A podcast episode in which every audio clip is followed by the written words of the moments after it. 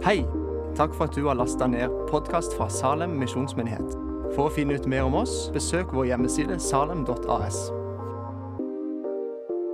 En liten tid tilbake så var jeg, sa det på en sånn, ganske sånn stort eh, Jeg var på vei til Filippinene, kanskje. Så var det et ganske stort eh, fly. Og så når vi da hadde satt oss godt til rette, og jeg satt liksom helt eh, Jeg ble satt helt med nød, nødutgangen der. Så det var ganske sånn grei plass med beina. Ingen sete foran, bare liksom denne plassen med døra. Så gikk det litt tid. Så kom der et, eh, et ektepar, så det ut til å være, muslimsk ektepar. Hvor mannen sto rett opp og ned der foran meg, og kona bøyde seg ned. For da var det tid for å be.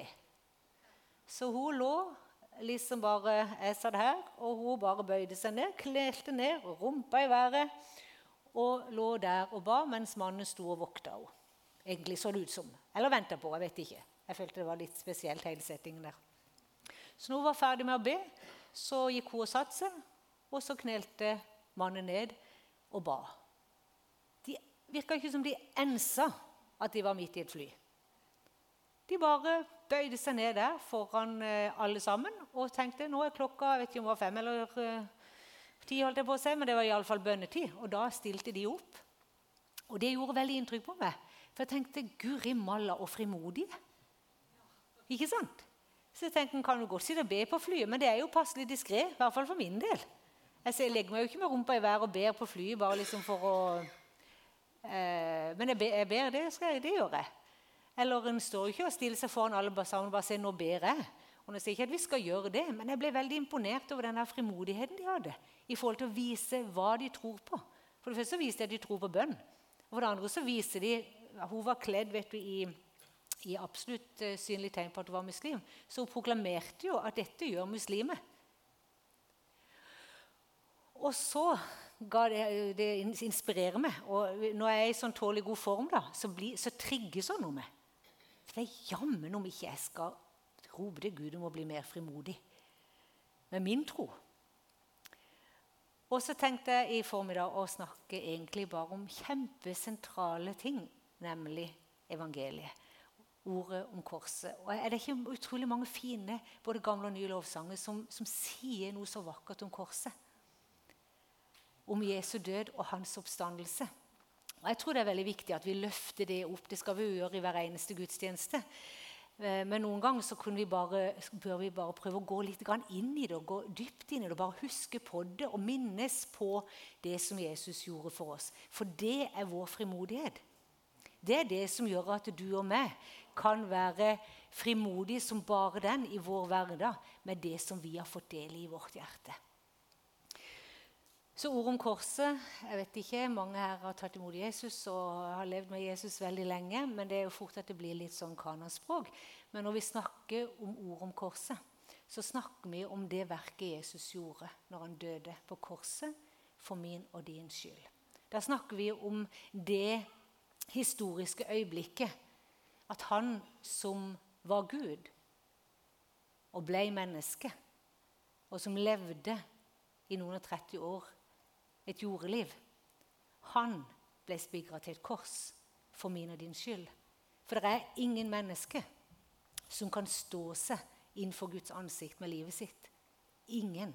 Det fins ingen fullkomne mennesker. Det fins ingen så prektige eller som har levd såpass godt og greit at Gud en dag vil nok si OK, greit nok, jeg slipper deg inn i Guds himmel. Sånn er det ikke. Og jeg tror det med Guds hellighet det må vi òg tørre å løfte opp i den tida vi lever i. At Gud er også han er en fullkommen kjærlig Gud, men han er også en fullkommen hellig Gud. Han er en Gud som, som er nidkjær. Han er en Gud som, som ikke tåler synd. Han er en Gud som ikke ser over med synd. Han skyver ikke synd, synd under teppet og sier nei, det er ikke så farlig.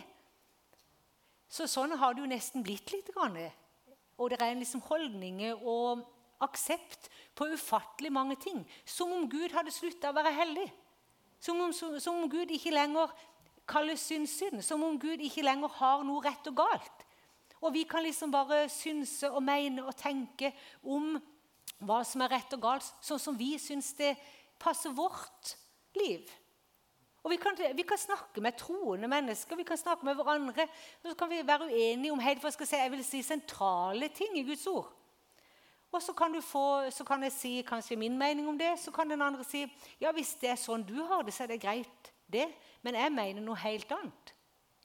Selv om du kunne lest 15 bibler som sa at ja, men hvorfor kan du si at det er helt greit for deg når ordet sier noe annet? Men vi er liksom i den tida hvor det just som Jeg tenker jo at det er et tegn på kanskje lunkenhet og sløvhet, og kanskje mangel også på undervisning. Og at vi tør å snakke om Guds ord, og vi tør å snakke om hva som er rett og galt. Og tør å holde oppe hvorfor Jesus i det hele tatt døde.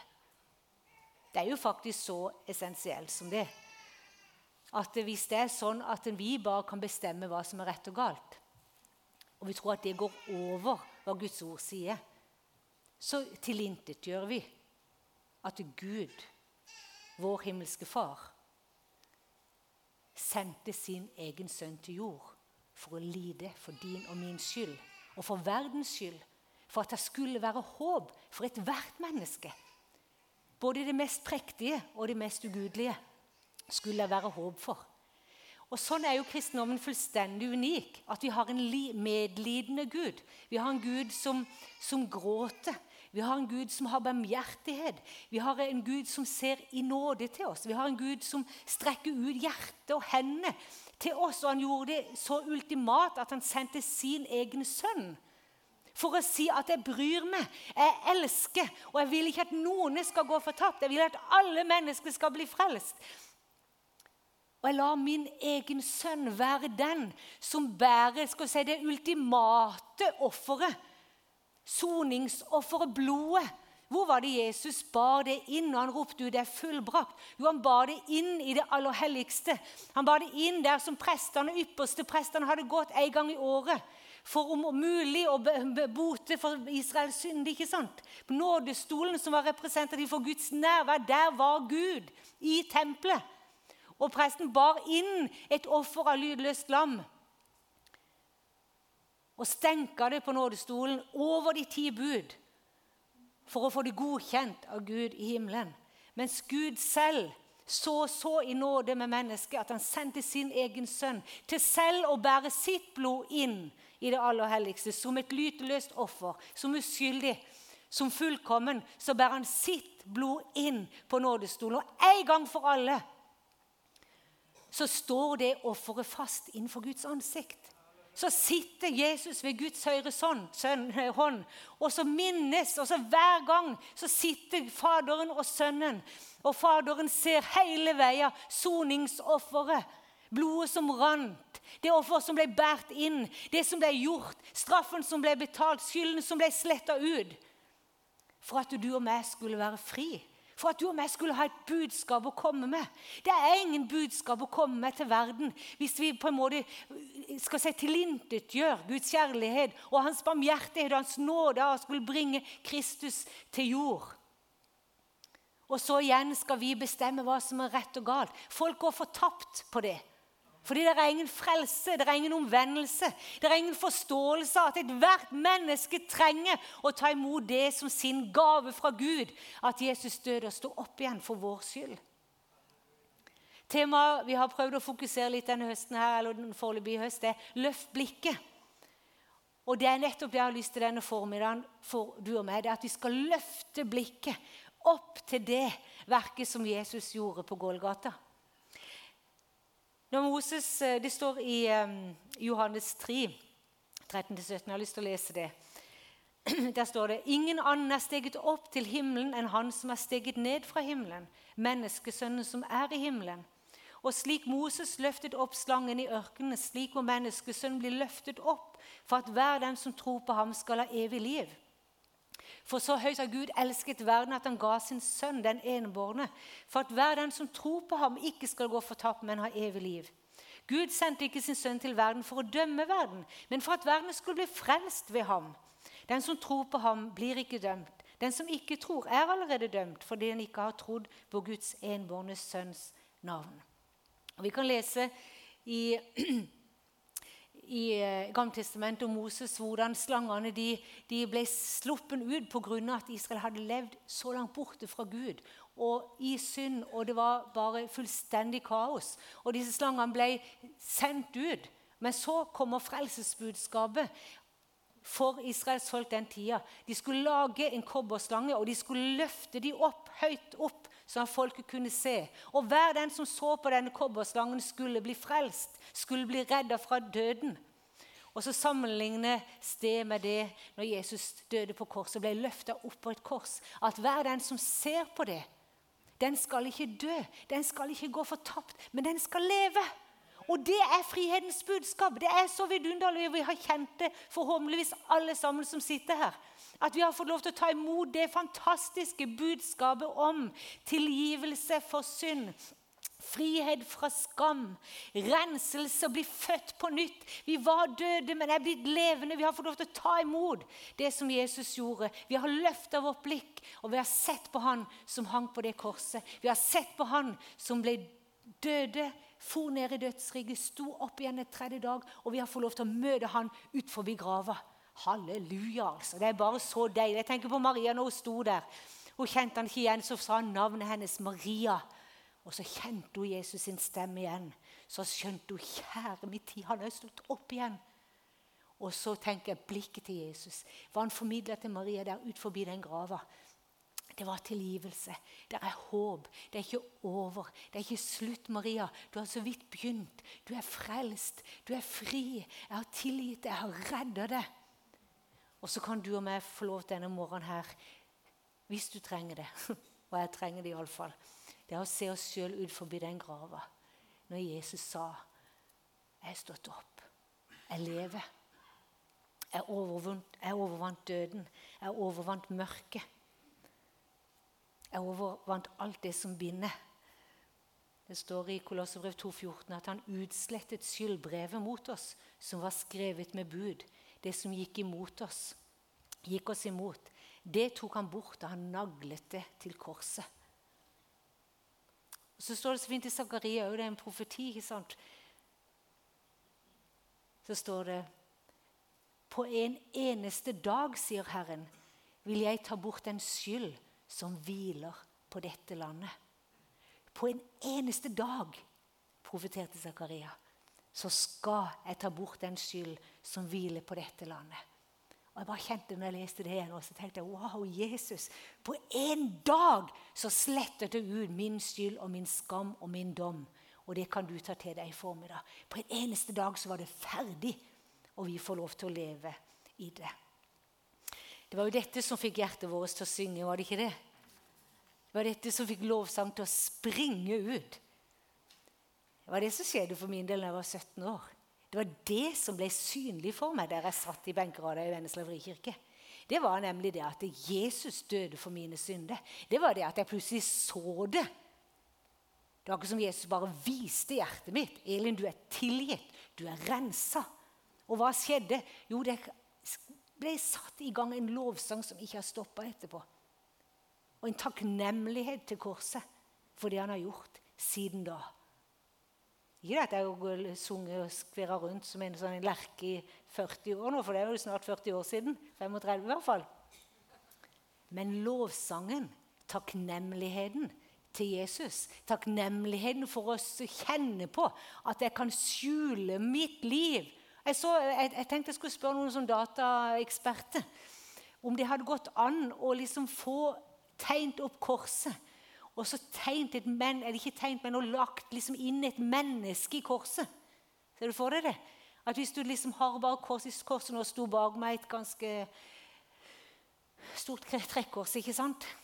Og så hvis jeg kunne ta et steg tilbake og bare gjemme meg inn i det synes det hadde vært et veldig fint bilde. Jeg kaster en utfordring ut her til datasjefen vår. her. For det er det som er sant. Vi er skjult.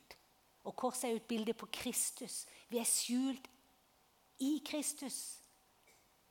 Han er i oss, og vi er i han, så vi kan liksom bare se for oss at vi trer inn i korset.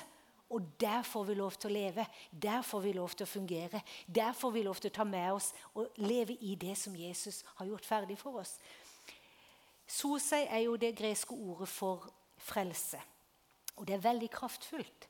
Jeg har bare lyst til å lese hva Bibelleksikon sier om det. Jeg har lest det kanskje for lenge siden her igjen, men jeg har likevel lyst til bare å si det, for det er veldig kraftig. I står det sånn ganske ordrett. I nytestamentlig gresk får ordet frelse betydningen bevare eller redde tilbake til en skapelsesmessig intakte, friske tilstand. Å bringe, til, eh, å bringe tingene tilbake til sin opprinnelige, rette skapelsesmessige tilstand. Og så står det et parallellbegrev til sosein, eriestai. Og det forekom 14 ganger i Nytestamentet. Det betyr å dra noen til seg, rykke ut av fare, redde, forløse, befri, beskytte, bevare, verne og holde oppe. Det er frelse. Det er det vi er frelst inn i. Det er det vi skjuler oss i. Det er der vi kan være med hele livet vårt, uansett hvordan det er så får vi lov til å kjenne på at vi er skjult i Kristus. Vi er skjult med Gud i Han. Og fantastisk er ikke det? At vi kan få lov til å hvile i det og ta det på alvor og løfte det opp for hjertene våre, så at vi løfter blikket på det som Jesus virkelig har gjort for oss. Vi er frelst fra Guds frede, syndens skyld og fra dom. Fra mørkets makt, fra trelldom, fra fristelse, fra det onde. Og den onde, det er frelse. Det er frelse i Jesus Kristus. Vi er frelst til et gjenoppretta farsforhold, til barnekår. Vi er en ny skapning. Vi er, blir helliggjort i Kristus. Både til ånd, sjel og kropp. Og vi er frelst til et evig liv sammen med Jesus. Og vi har nøkkelen, vi har budskapet, vi har ordet til mennesker som lengter rundt oss, i nabolaget, i familien vår, kollega, you name it, alle mennesker vi møter. Vi har budskapet som i 2000 år har fått millionvis av mennesker til å bøye kne. Huh! Millionvis! Det er ikke noe tull. Vi sitter ikke her som en liten salig flokk i Salem. Millionvis av mennesker har gjennom disse 2000 årene bøyd sine kne for den åpenbaring, for den oppvåkning til at ja, sannelig, han er Guds sønn. Ja, sannelig, han er også min frelser. Ja, sannelig, det gjaldt for mitt liv. Den dag i dag så vil tusenvis av mennesker rundt om i verden bøye sine kne innenfor Guds ansikt og erkjenne jeg går fra døden til livet. De kan vitne i morgen. Det skjedde skjedd en forvandling, det skjedde skjedd en renselse, det skjedde skjedd en ny fødsel. Det har skjedd noe på innsida som jeg kan forklare, men som er levende, virkelig, og ingen kan ta det fra meg. Er ikke sant? Kan du huske det sjøl når du ble frelst? Jeg tenkte som sånn, vet du, ikke sant, at noen sa nei, hva er dette for noe? Jeg bare kjente inni meg det bruste. Rett og slett. Det bare bruste på innsida. Om du sier Jesus er død, så vet jeg at han lever. Om du sier han ikke finnes, så vet jeg det, for jeg har kjent han på innsida. Og jeg kjenner han lever der. Hjertet hans slår der inne. Ikke sant? Kunne, de kunne ha tatt livet av han omtrent. For, ja, det tror jeg faktisk. Før han hadde nekta og sagt at Jesus ikke lever. Hvorfor det? Jo, for du kan ikke fornekte det som er blitt sant. Du kan ikke fornekte det som er blitt liv. Du kan ikke fornekte det som er skrevet på hjertets tavle. Og det vil vi bare løfte opp. Som enkeltperson, som menighet. Vi vil løfte det opp så høyt at alle rundt oss skjønner at vi mener det vi tror på. At alle rundt oss skjønner at det, kjære min tid, det der betyr visst noe for hun eller han. Det er en dårskap for de som går fortapt, men en kraft til frelse for de som tar imot. Og Vi kan ikke velge for mennesket, men de skal i alle fall få sjansen til å velge når de møter oss. De skal i hvert fall få sjansen til å se at det er kraft i evangeliet. De skal få sjansen til å skjønne at det å være tilgitt, å være rensa og ha fått liv med Gud og kjenne Gud, det er verd å smake på. Det er verd å vurdere. Ikke sant? Derfor skal vi være en menighet og et folk som bare løfter evangeliet opp så høyt at det står med store bokstaver på panna vår, på, på livet vårt og på veggen. for den slags skyld. Altså Det skal bare synliggjøres at evangeliet står høyt når vi kommer sammen. Et vers som jeg, eller Noen vers som jeg ofte også, også tar, tar, med meg, for jeg syns det er så nydelig. I 1. Korinterbrev 1,4. Så står det Jeg takker alltid Gud for dere, for den nåde han har gitt dere i Kristus Jesus. Halleluja for nåde han har gitt oss. I ham har dere fått en rikdom på alle gaver, både tale og kunnskap. Og så kommer den setninga som jeg bare elsker. Der står det vitnesbyrdet om Kristus har da også fått sikkert feste hos dere. Derfor mangler dere ikke på noen nådegave mens dere venter på at vår Herre Jesus Kristus skal åpenbare seg. Han skal også befeste dere inntil enden kommer, så dere kan stå uangripelige på vår Herre Jesu Kristi dag. Gud er trofast, Han som har kalt dere til samfunn med sin sønn Jesus Kristus, vår Herre. I 1930-oversettelsen står den setninga som er uthevet. Liksom Kristi vitnesbyrd er blitt rotfestet i dere.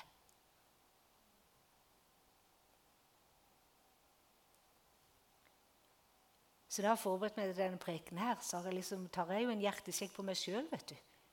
Jesus, jeg ber om at uh, vitnesbyrdet om Jesus Kristus Kristus, hva betyr det? Den korsfestede. At vitnesbyrdet, det jeg kan vitne om, om den korsfestede, at det har et sikkert feste. At det har et realt rotfeste inni meg.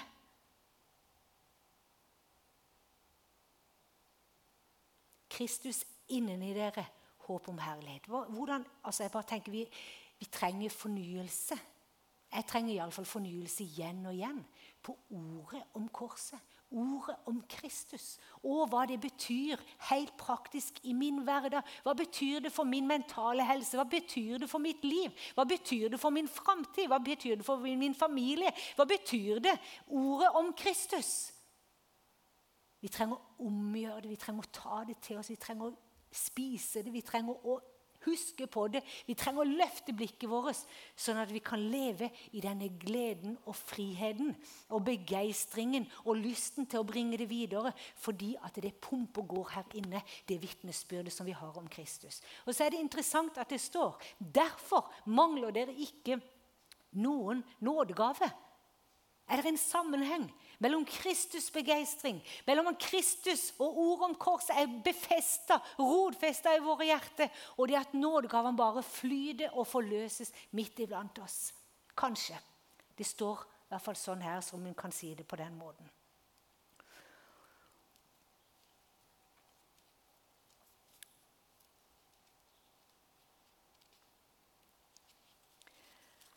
Og så tenkte jeg skal avslutte med noen tanker rundt dette. At eh, Hvorfor har evangeliet overlevd? Og hvorfor har evangeliet og Guds rike vokst i 2000 år? Er det fordi at storting og regjering og ledere og si, enkelte hovedledere i et land har vært så gudfryktige? Var det det som var tilfellet på Jesu tid? Var det det som var tilfellet 300 år etter Kristus? 1000 år etter Kristus? 1500 år etter Kristus? Er det det som er tilfellet i dag? Nei, det er faktisk ikke det. De fleste land og nasjoner har ikke et gudfryktig lederskap.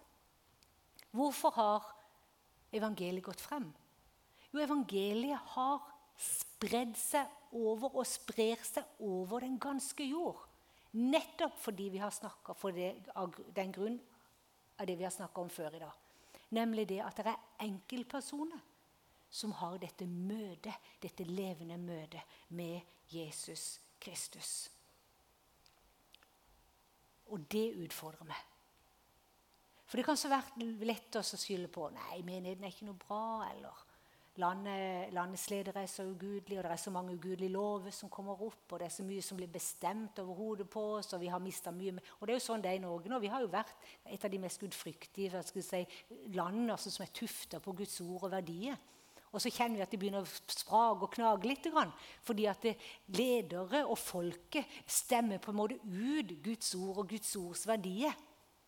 Og da kan det være fort for oss å miste litt motet og så kan vi på en måte, på en måte si at ja, men siden det er sånn, så er det så, så, er det så trist. Så legger vi ansvar over der til de andre.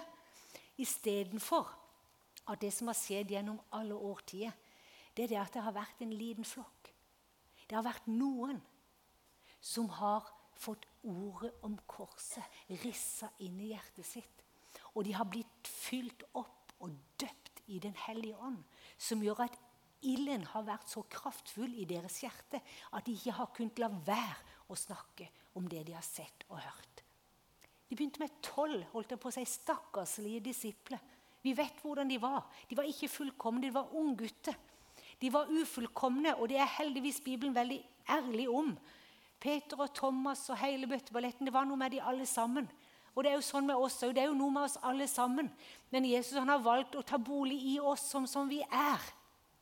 Og så skjer det prosesser, og så blir vi fri fra ting. Og så synder vi før, men så gjør vi ikke det nå fordi at Gud har brutt syndens lenke. Og så faller vi, og så ber vi om tilgivelse. Og så blir vi kraftløse, men så lar vi oss fylle på nytt av Den hellige ånds kraft. Og sånn har det vært gjennom alle tider. Alltid. At Guds rike har gått frem gjennom helt vanlige mennesker. Guds rike går frem i dag gjennom fotfolket. Det, går, det, det skrider frem. Det lar seg ikke stoppe. Fordi det er mennesker som brenner for evangeliet, som elsker Jesus, som har latt seg elske. Derfor så går det aldri. altså Det går ikke til en ende. Det bare fortsetter og fortsetter. Og fortsetter. Og i dag så blir flere mennesker frelst enn noensinne. Vet, evangeliseringsmulighetene er jo ekstremt mye større enn de var for 500 år siden, for 100 år siden, for 50 år siden. Det er jo ingen grense for hvordan evangeliet kan spres ut. Og det går frem. Hvorfor det? Jo, for det er noen som brenner.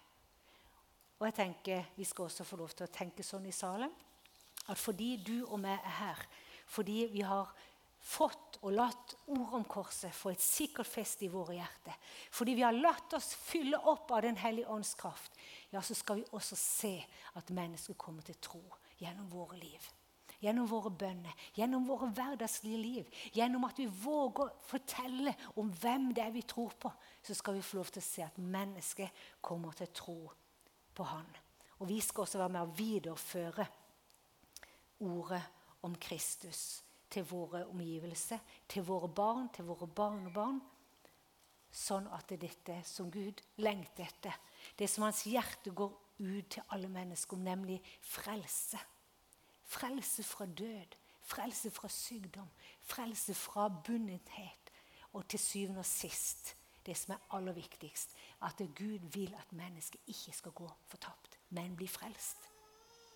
Og da trenger de å møte noen som har dette ordet om korset levende for sine øyne, levende for hjertet sitt, på en sånn måte og veldig på forskjellig vis, men som allikevel vi får lov til å uttrykke det sånn at mennesket dras inn til hans hjerte. Romerbrevet 1,16.: For jeg skammer meg ikke over evangeliet.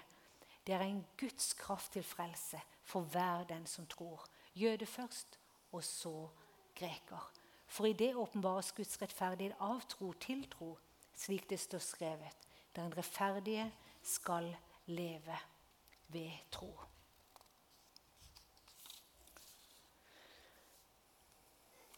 Amen. Skal vi be. Far i himmelen, jeg har bare lyst til å prise ditt hellige navn. Takk deg for din godhet. Takk deg for at du sendte Jesus Kristus.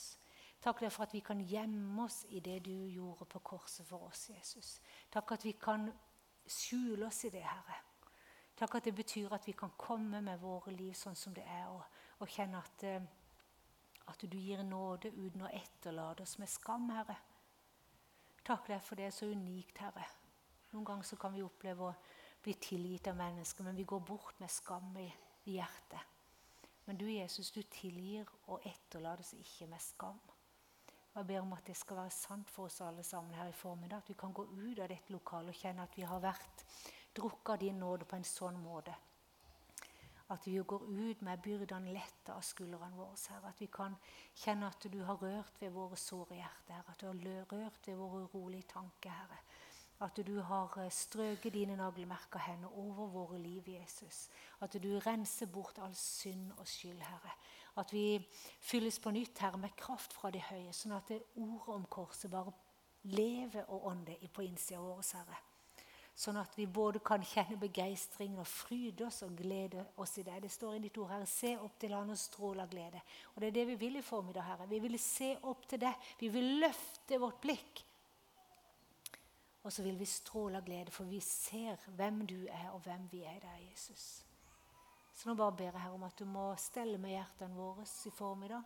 Ber om at du må røre ved oss, Jesus. Jeg ber om at du må fylle oss på nytt med kraft og liv, Herre. Og jeg bare takker deg for at du eh, ikke har etterlatt oss farløse, men vi har fått lov til å bli barn, Herre. Og vi får lov til å si 'Abba, far, pappa' til deg, Far i himmelen. Vi priser deg.